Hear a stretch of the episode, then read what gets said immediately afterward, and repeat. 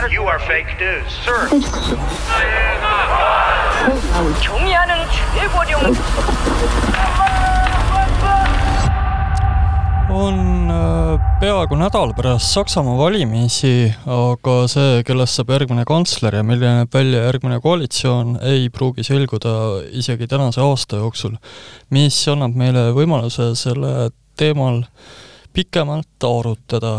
Äh, selle jaoks olengi kutsunud äh, Delfi stuudiosse Eesti Päevalehe ja Delfi uudistetoimetuse ajakirjaniku Karoliina Hussari, kes äh, käis kohapeal valimisi kajastamas. tere! ja samuti on stuudios Maalehe ajakirjanik Argo Ideon. tervist! ja mina olen Kaarel Kressa.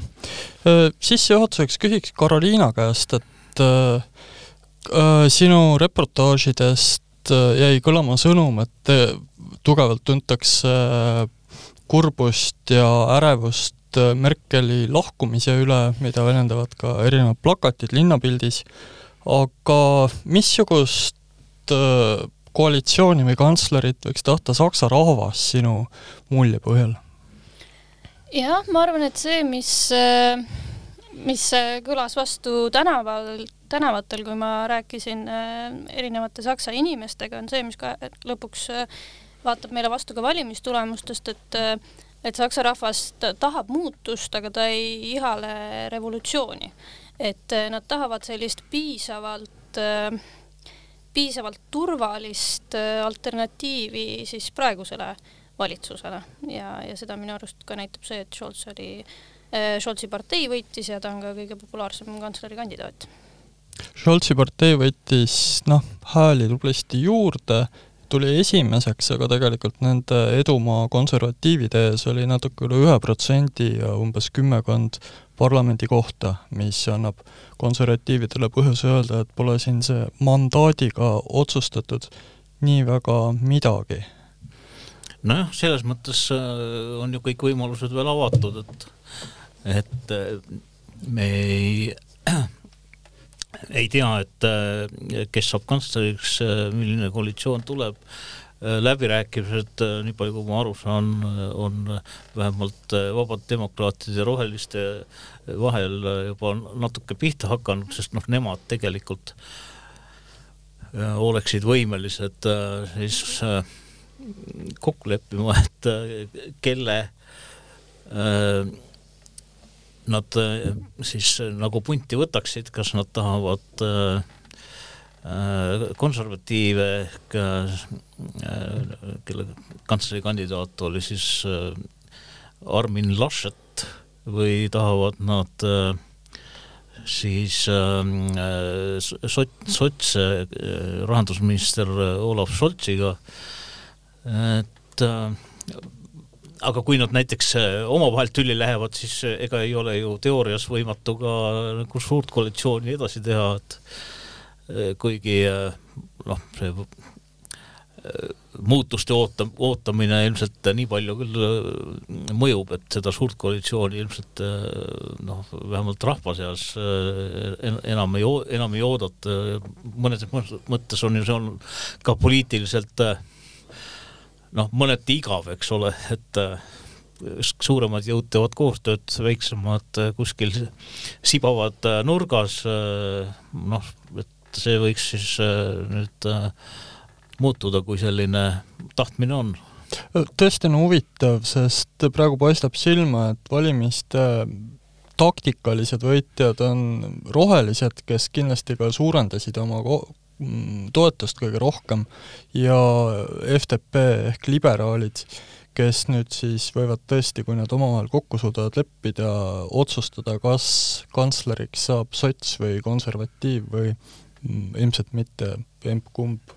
väiksemate parteide liidritest. aga just murekoht on ju see, et kui liberaalide peamine eesmärk on vaba turumajandus ja roheliste peamine eesmärk on äh, kliimakaitse, siis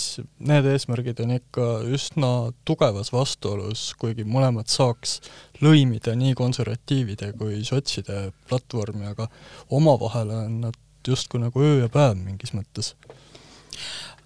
Noh, aga, aga näiteks Rohelised on ikkagi Saksamaal ju olnud selline peavooluerakond äh, juba mõnda aega, nad on, on olnud valitsuses ka, ka varasemal ajal. noh, neid ei peeta selliseks mingiks noh, radikaalide kambaks, kes ei äh,, keda ei huvita nagu selline tava, tavapoliitika üldse. et need erakonnad, kes äh, esindasid äh, radikaalsemaid äärmusi, siiski nendel valimistel Saksamaal äh, selgelt kaotasid. Äh, et kuigi see noh, kui seda kaarti vaadata, eks ole, kus on kohalikud valimisvõitjad nagu eri värvidega välja toodud, siis see, et nagu endise Ida-Saksamaa lõuna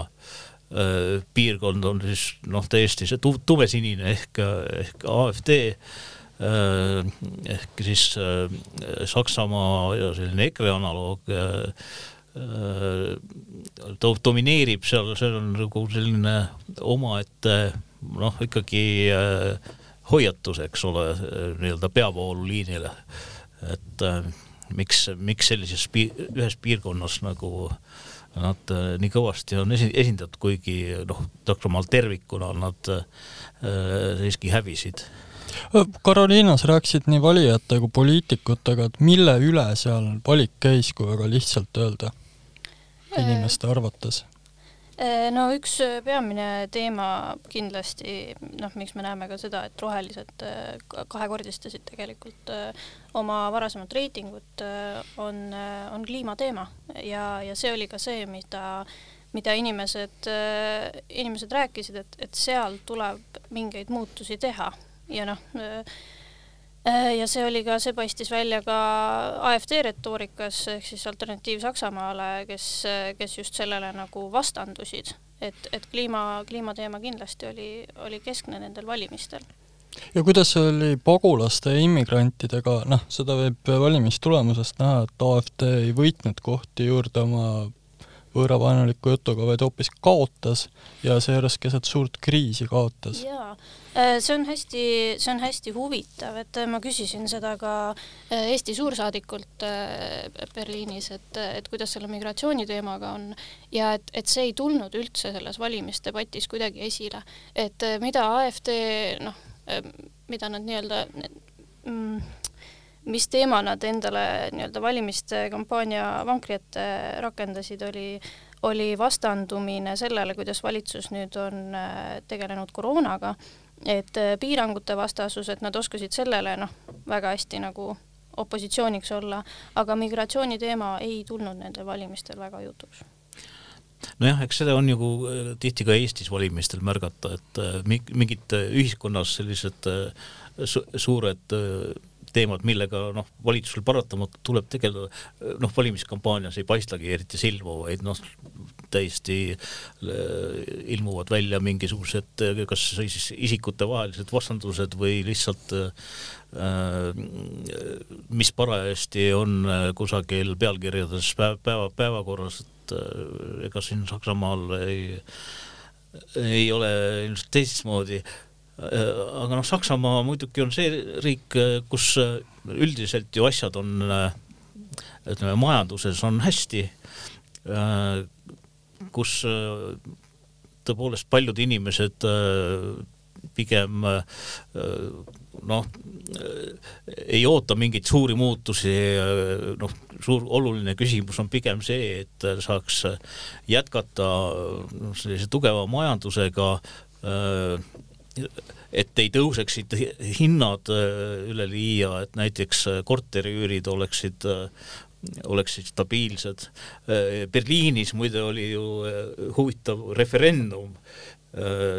selle suure valimiste kõrval, mis,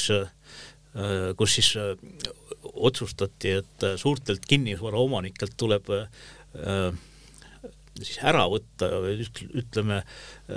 noh, et mitte päris natsionaliseerida, aga, aga siis mingisugust tasu eest võõrandada või nad ise peavad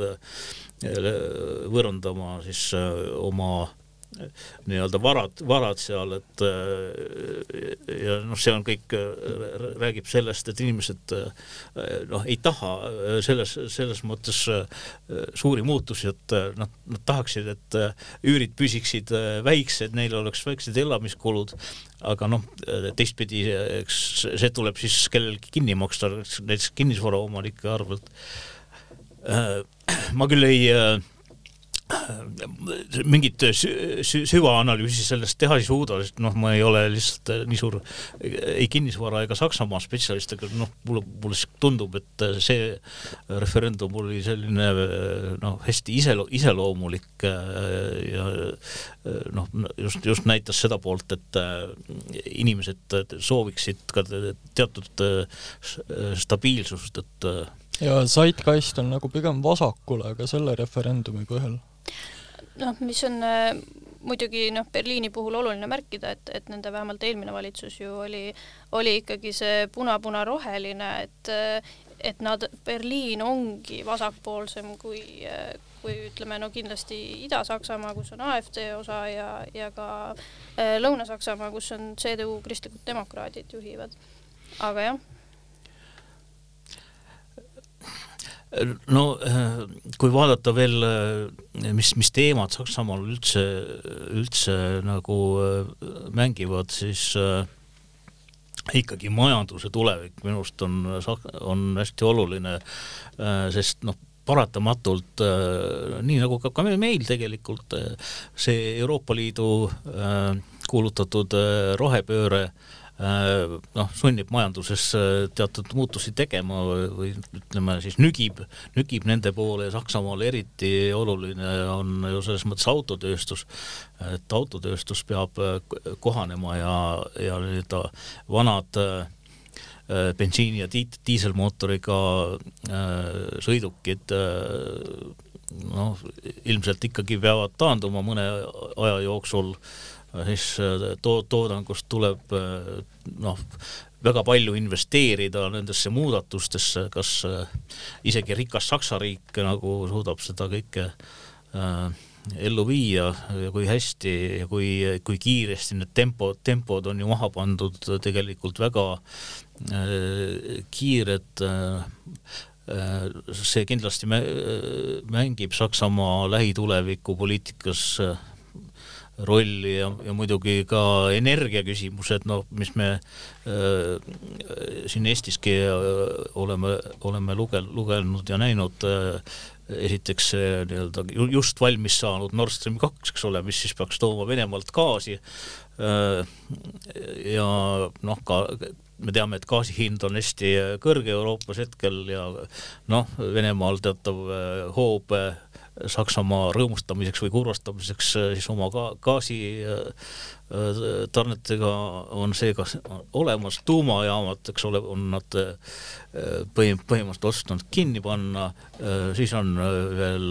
võimalik rääkida, eks ole, söega köetavatest jaamadest, et energeetikas tuleb seal kindlasti ka palju muutusi teha ja noh, samal ajal Saksa majandus üldiselt ju toi-, toimib, noh, võtame hetkel võrdluseks näiteks Inglismaa, eks ole, kui, millest seal räägitakse, seal räägitakse, et äh, poeletid on tühjad, äh, veoautojuhte ei ole, äh, et bensiinijaamades ei ole bensiini, ei ole mootorikütust, noh, Saksamaal me midagi sellist ei ole, kuulda ei ole, kõik toimib hästi, noh, eks ja kindlasti inimesed ei, ei soovi selles osas mingisuguseid, mingisuguseid kannatusi. aga tuleme selle juurde, kellele meil siin tasuks pöialt hoida erinevatest koalitsioonidest, et see mm, puna-puna-roheline koalitsioon, millega konservatiivid hirmutasid, see nüüd sisuliselt on muutunud võimatuks, koalitsioonist AfD-ga isegi ei peetud teoreetiliselt võimalikuks, isegi vist sotsid ei hirmutanud sellega. ja nüüd ongi, et äh, nii sotside kui konservatiivide esinumber on rääkinud mingist uuest ostpoliitikist natuke ja sellest, et hakata Venemaad lepitama. ja võiks küsida, et kumb siis meie jaoks ikkagi hullem oleks? kuna rohelised ilmselt et kuna nad ei saanud võitu, nagu vahepeal juba loota võis ja nad ei saa nüüd hakata oma antiautoritaarset Hiina ja Vene vastast poliitikat ajama, mida lubas proua Baerbock no see oli küsimus, mida ma küsisin ka meie suur, suursaadikult äh, Alar Streimanilt ja tema prognoos oli ikkagi see, et mõlemad äh, kantslerid, kas Laschet või Scholz, siis äh, mõlemad ikkagi jätkaksid jätkaksid vägagi selle Merkeli liiniga, et selles mõttes nendest suurtest parteidest on, on raske rääkida, et, et kumb meile hullem oleks, et nad on ju praegu tegelikult ka koalitsioonis olnud nii pikalt, et nad selles mõttes on ikkagi need otsused kõik koos teinud Aga.... noh, viimane sotsidest kantsler oli Saksamaal vist Gerhard Schröder, eks ole, kelle hilisem äh, nii-öelda karjäär äh, on olnud suhteliselt kõnekas. ja rohelistel oli välisministri koht siis, aga need olid teised rohelised äh,. Jah et.... teistsugused rohelised. et äh, no eks Saksamaa positsioon on olnud noh, välispoliitikas alati selline, et nemad on nii suured, et nad äh, räägivad äh, kõigiga ja ja noh, noh, Angela Merkel muidugi oli väga äh, Eesti-sõbralik poliitik võib meelde tuletada, kuidas Andrus Ansip on teda korduvalt kiitnud, eks ole, kui, kui, kui hea ja äh, konstruktiivne suhtumine oli tal äh, Eestisse, noh, sel ajal, kui Ansip oli peaminister ja ma äh, ei ei leia ühtegi märki sellest, et see oleks olnud teistmoodi ka teiste Eesti valitsuste puhul seni. aga noh, mis saab järgmiste, järgmises Saksa valitsuse ajal, välispoliitika ei olnud ju absoluutselt valimisteema, eks ole, ma saan aru, et seda oli... ostpoliitiki mainiti niimoodi moka otsast korraks augustis mm. -hmm. No. et äh, noh, see on üldse ju olnud selline suurem küsimus, et milline siis äh, peaks olema Saksamaa äh, roll nii-öelda Euroopas ja maailmas noh, ja selle küsimuse väike osakene on, on siis võib-olla ka see äh, suhtlemine siin, siinse regiooniga, et äh, noh, kindlasti on palju suuremaid küsimusi, mis Saksa valitsusel ees, ees seisab lahendada. Ja no üldse pärast brittide lahkumist, eks ole, noh, see nõndanimetatud saksa-prantsuse telje äh, kaal Euroopa Liidus ju on ikkagi veel, veel tõusnud. eelkõige noh, ootaks, et nad lahendaksid siis selle äh, tel-, telje, telje ja kuidas neil Prantsusmaaga nagu äh, õnnestub sellist head tandemit mängida Euroopas, äh, mille järgi siis väiksemad ka võiksid joonduda et kas see, kas see läheb korda või äh, tekivad mingid hõõrumised, noh, seda siis näeme uue valitsuse ajal. jah, et kui otsida, otsida Lascheti ja Scholzi taustast seda, et kummal neist on kuidagi Eestiga soojemad suhted või rohkem kokkupuutepunkte, et siis ilmselt lihtsalt kuna Scholz on rahandusminister olnud Merkeli ajal, et tõenäoliselt on meie poliitikutega rohkem kokku puutunud kui Laschet, kes on, kes on Lääne-Saksamaa Suurliidu äh, peaminister, et äh, aga, aga niimoodi, et kumb neist oleks kuidagi Eesti sõbralikum ja meie poliitikale parem, et seda on praegu väga raske öelda. jah, ka politoloogide tabelid on näidanud, et noh, meile olulistes välispoliitilistes küsimustes on tegelikult kõigi nelja esimese erakonna, võimaliku valitsuserakonna vaated noh, sisuliselt identsed ja eristuvadki just Linke, Vasakpartei ja AfD, kes siis noh, näiteks NATO küsimuses või Euroliidu küsimuses või mõlemad on, üks toetab Venemaa NATO-sse kutsumist, teine toetab lihtsalt NATO-st lahkumist ja nii edasi. Noh, see, et kuidas selle Nord Streami küsimust hakatakse lahendama muidugi ja mis need Venemaa poliitikad on, et et seda on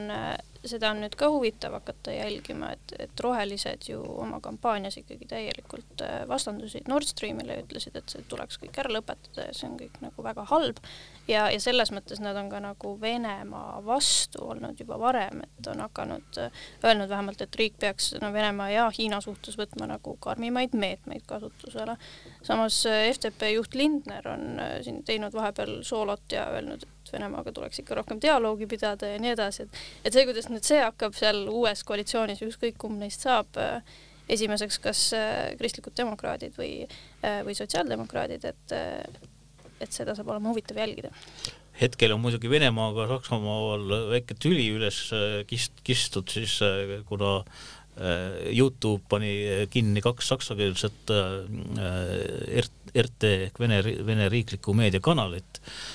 ja Venemaa ähvardab nüüd äh, siis vastumeetmetega, et kas äh, puudutavad need siis Saksa avalikku meediat, äh, selle tegutsemist Venemaal või puudutavad koguni tervet Youtube'i kanalit, mida küll mina väga ei, ei usu, sest noh, vene, venemaalased ise kasutavad seda lihtsalt niivõrd palju ja äh, ja noh, selle kinnikeera-, kogu kinnikeeramine no, Venemaa poolt oleks noh, väga vihastaks palju, paljusid Venemaal ka neid, kes ei ole tegelikult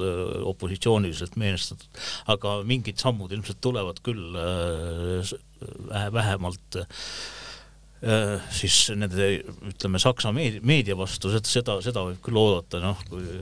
lugesin eile Vene välisministeeriumi vastavat äh, nii-öelda avaldust, siis noh, sealt äh, ilmselt, ilmselt ei jää kahtlust, et selle kohta nagu uudiseid saabub. praegu kõiki signaale vaadates on raske vältida muljet, et uueks kantsleriks saab Olav Scholz. kas jagate seda muljet ja jah? No see oleks äh,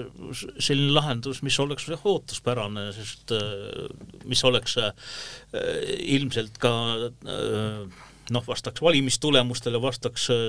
vastaks sellele, et Scholz ise on ennast ju positsioneerinud just nimelt selle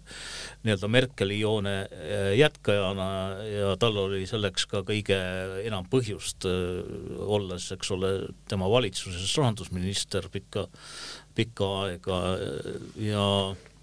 selles mõttes need teised äh, kantsleriks pürgijad on esinenud märksa rabedamalt ja noh, nende vastu selles mõttes äh, valijal ilmselt ei olnud äh, lihtsalt nii palju usaldust just selle nii-öelda stabiilsuse ja, ja Merkeli nii-öelda maltripärija rollis jah, no ilmselt kõige keerulisem äh, tükk Scholzi jaoks saab olema FDP, sest et siin Lindner vahetult enne valimisi ütles, et äh, noh, jälle soolona, aga et, et äh, nemad võib-olla tahaksid ikkagi kristlike demokraatidega mingit liini ajada. Ja üldse FDP-l on ju natuke raske minna valitsusse kahe vasakule kalduva erakonnaga. Aga samas praegu ei ole neilt tulnud küll ei valimiste nagu täitsa valimiste ajal ega ka pärast sellist signaali, et et me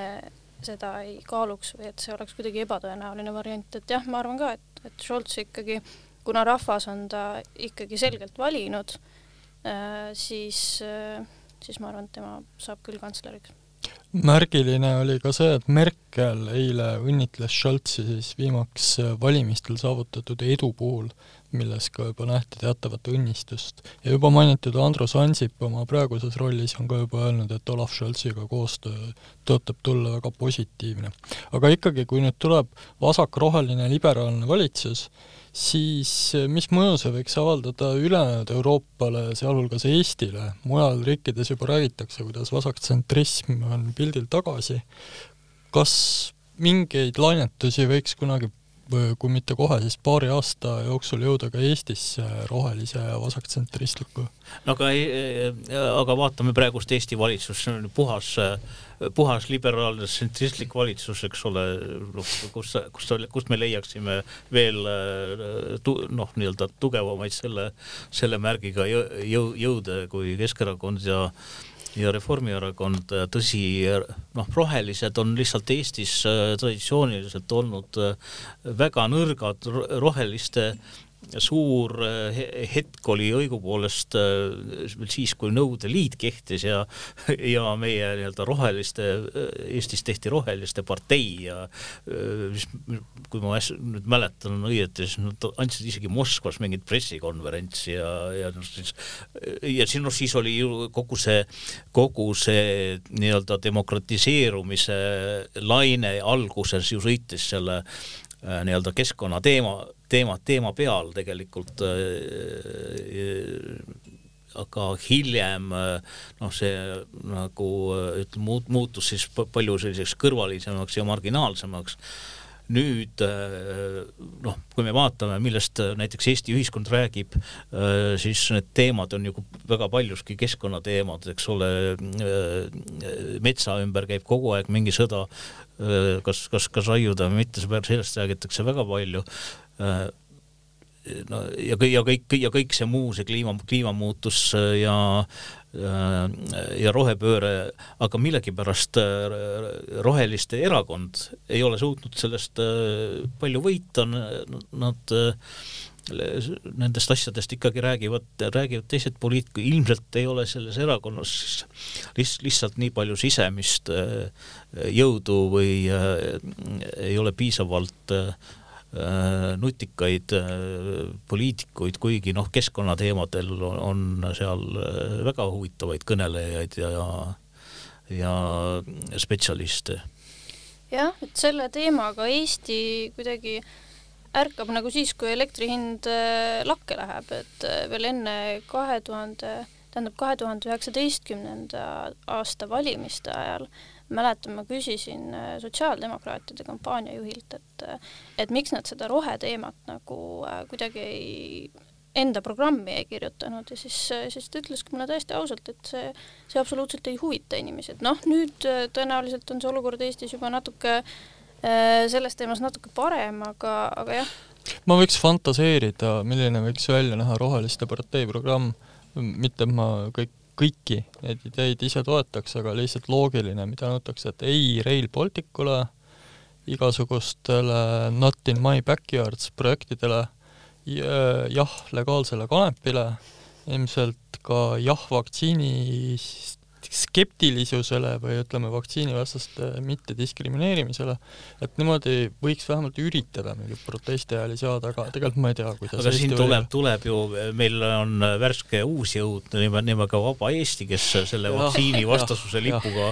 lehvitab, nii et ma kardan, et roheliste ja vist ka jaoks... psühhedeelikute legaliseerimine ei ole neil päriselt nagu roheliste jaoks nagu see laine võib-olla on äh, äh, läinud, ma tuletaks mulle muide meelde, et rohelised olid ju meil parlamendis äh, ka vahepeal äh,, neid juhtis äh, Marek Strandberg äh, toona ja kui siis Strandbergilt küsiti, eks ole, telesaates, et kas nad on koalitsioonis või opositsioonis, siis Strandberg ütles selle peale, et äh, nemad on hoopis depositsioonis kuna nad on deponeeritud sinna parlamenti ja seal nad on äh,. vahepeal, äh, kui Ansipil oli Äh, selline sisuliselt vähemusvalitsus, siis äh, rohelised olid see jõud, kes äh, noh te, tegelikult neid Riigikogus nagu toetas, et võib-olla sellega siis nad noh, ka kaotasid oma veidi sellist power'it, eks ole, sest noh, kui sa oled nagu võim, võimu poolel, siis noh, on raske esineda sellise äh, sellise noh, väga uuendus, radikaalselt uh, uuendava parteina uh,. nii et selles, selles mõttes rohelised jälle langesid uh, siis Eesti parlamendist välja ja noh, praegu on kohalikud valimised vaatame, kas neil õnnestub näiteks Tallinnas pürgida uude koalitsiooni, sest noh, vahepeal ju nende esimees olid siis Äh, nende esimees äh, sai, sai ju ka Tallinna äh, abilinnapeaks, nii et noh, selles mõttes kogemus koostööst näiteks Keskerakonnaga on, on neil Tallinnas olemas. jah, ma pakuks siia ka ühe mõttemängu välja, et, et mis äh, Berliinis enne valimisi metsikult äh, kohalikke vapustas ja tegelikult jõudis ka täiesti valitsuse ja suurimate erakonnajuhtide tasemele, oli see, kui üks kahekümneaastane kliimaaktivist äh, istus Bundestagi ette maha ja, ja nälgis seal sisuliselt kuu aega selleks, et tema sõnum oli, et et äh, me peame kliimaga rohkem tegelema ja neil, neil olid ka konkreetsed nõudmised. ja siis ma just mõtlesin, et kuuldes seda, kuidas noh, isegi Angela Merkel ja Scholz ja kõik nagu reageerisid sellele ja elasid kaasa ja ütlesid, et me tegeleme asjaga rohkem, et et kas selline nagu no et kui selline asi juhtuks meie Riigikogu ees, siis kuidas Eesti ühiskond sellele reageeriks? ega ei ole vaja muide kaug-, kaugele just, minna, et sedasama äh, asja, asja näha. Soomes Helsingis istu, istuvadki need äh, need kliimaaktivistid seal kusagil keset tänavat ja, ja nii-öelda blokeerivad liiklust, et. ja eile peeti kinni üle saja inimese väga rahumeelsel viisil, aga jah, et meeleavaldus oli registreerimata ja vist ka koroonareeglite vastane et see on, see on nagu terve, terve Euroopas olnud, olnud trend, et selliseid noh, radikaale, kes ei kohtu, kohku no näiteks kusagil ma ei tea, metroorongi peale ronimast, eks ole, või, või siis tänaval noh, täiesti noh, tegelikult seadusevastaselt liiklust sulgemast, siis noh, sellised asjad on täiesti olemas, selles mõttes Eestis on see kõik siiamaani olnud väga rahulik mm. -hmm. Aga just, et kas Eesti ühiskond siis äh, kuidagi pöörduks rohkem roheliseks või pigem vaataks, et isver, mis radikaalid? jah, et, et, et mingid hullud, mingid hullud istuvad keset, keset tänavat yeah. ja, ja, ja miks nad ei äh,,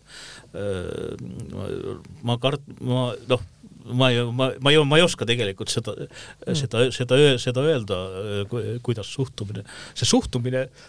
on äh, sageli äh, väga juhuslik, sõltub mingitest äh, ju, juhustest, noh näiteks politsei tassib, tassib kedagi minema, eks ole, saab sealt saab teha pilte, kust äh, noh, võiks järeldada, et käitutakse jõhkralt inimestega, siis kohe, kohe see avalik arvamus võib nagu pöörduda sisuliselt pendlina, et mm. -hmm. Indrek Tarand vist äh, ütles seda kunagi, et kui Greta Thunberg oleks est, istunud Eesti äh, Riigikogu ees, et siis äh, meie see suhtumine oleks olnud või oleks palju teistsugusem, et siis me oleks uhked rohkem selle üle, et ja prooviksime olla rohkem rohelised, aga, aga ma ei ole kindel, kas see töötaks. Ja huvitav on muidugi jälgida, absoluutselt ei ole võimalik veel ennustada, aga kas näiteks järgmistel Prantsuse presidendivalimistel suudab roheliste kandidaat Macronile ütleme, Macroni vastu jõuda teise vooru või hoopis Le Peni vastu, ei tea. aga aitäh teile huvitava mõttevahetuse eest, minu nimi oli Kaarel Kressa, stuudios olid Karoliina Hussar ja Argo Ideon, aitäh kuulamast! You are fake news, sir. 경의하는 최고령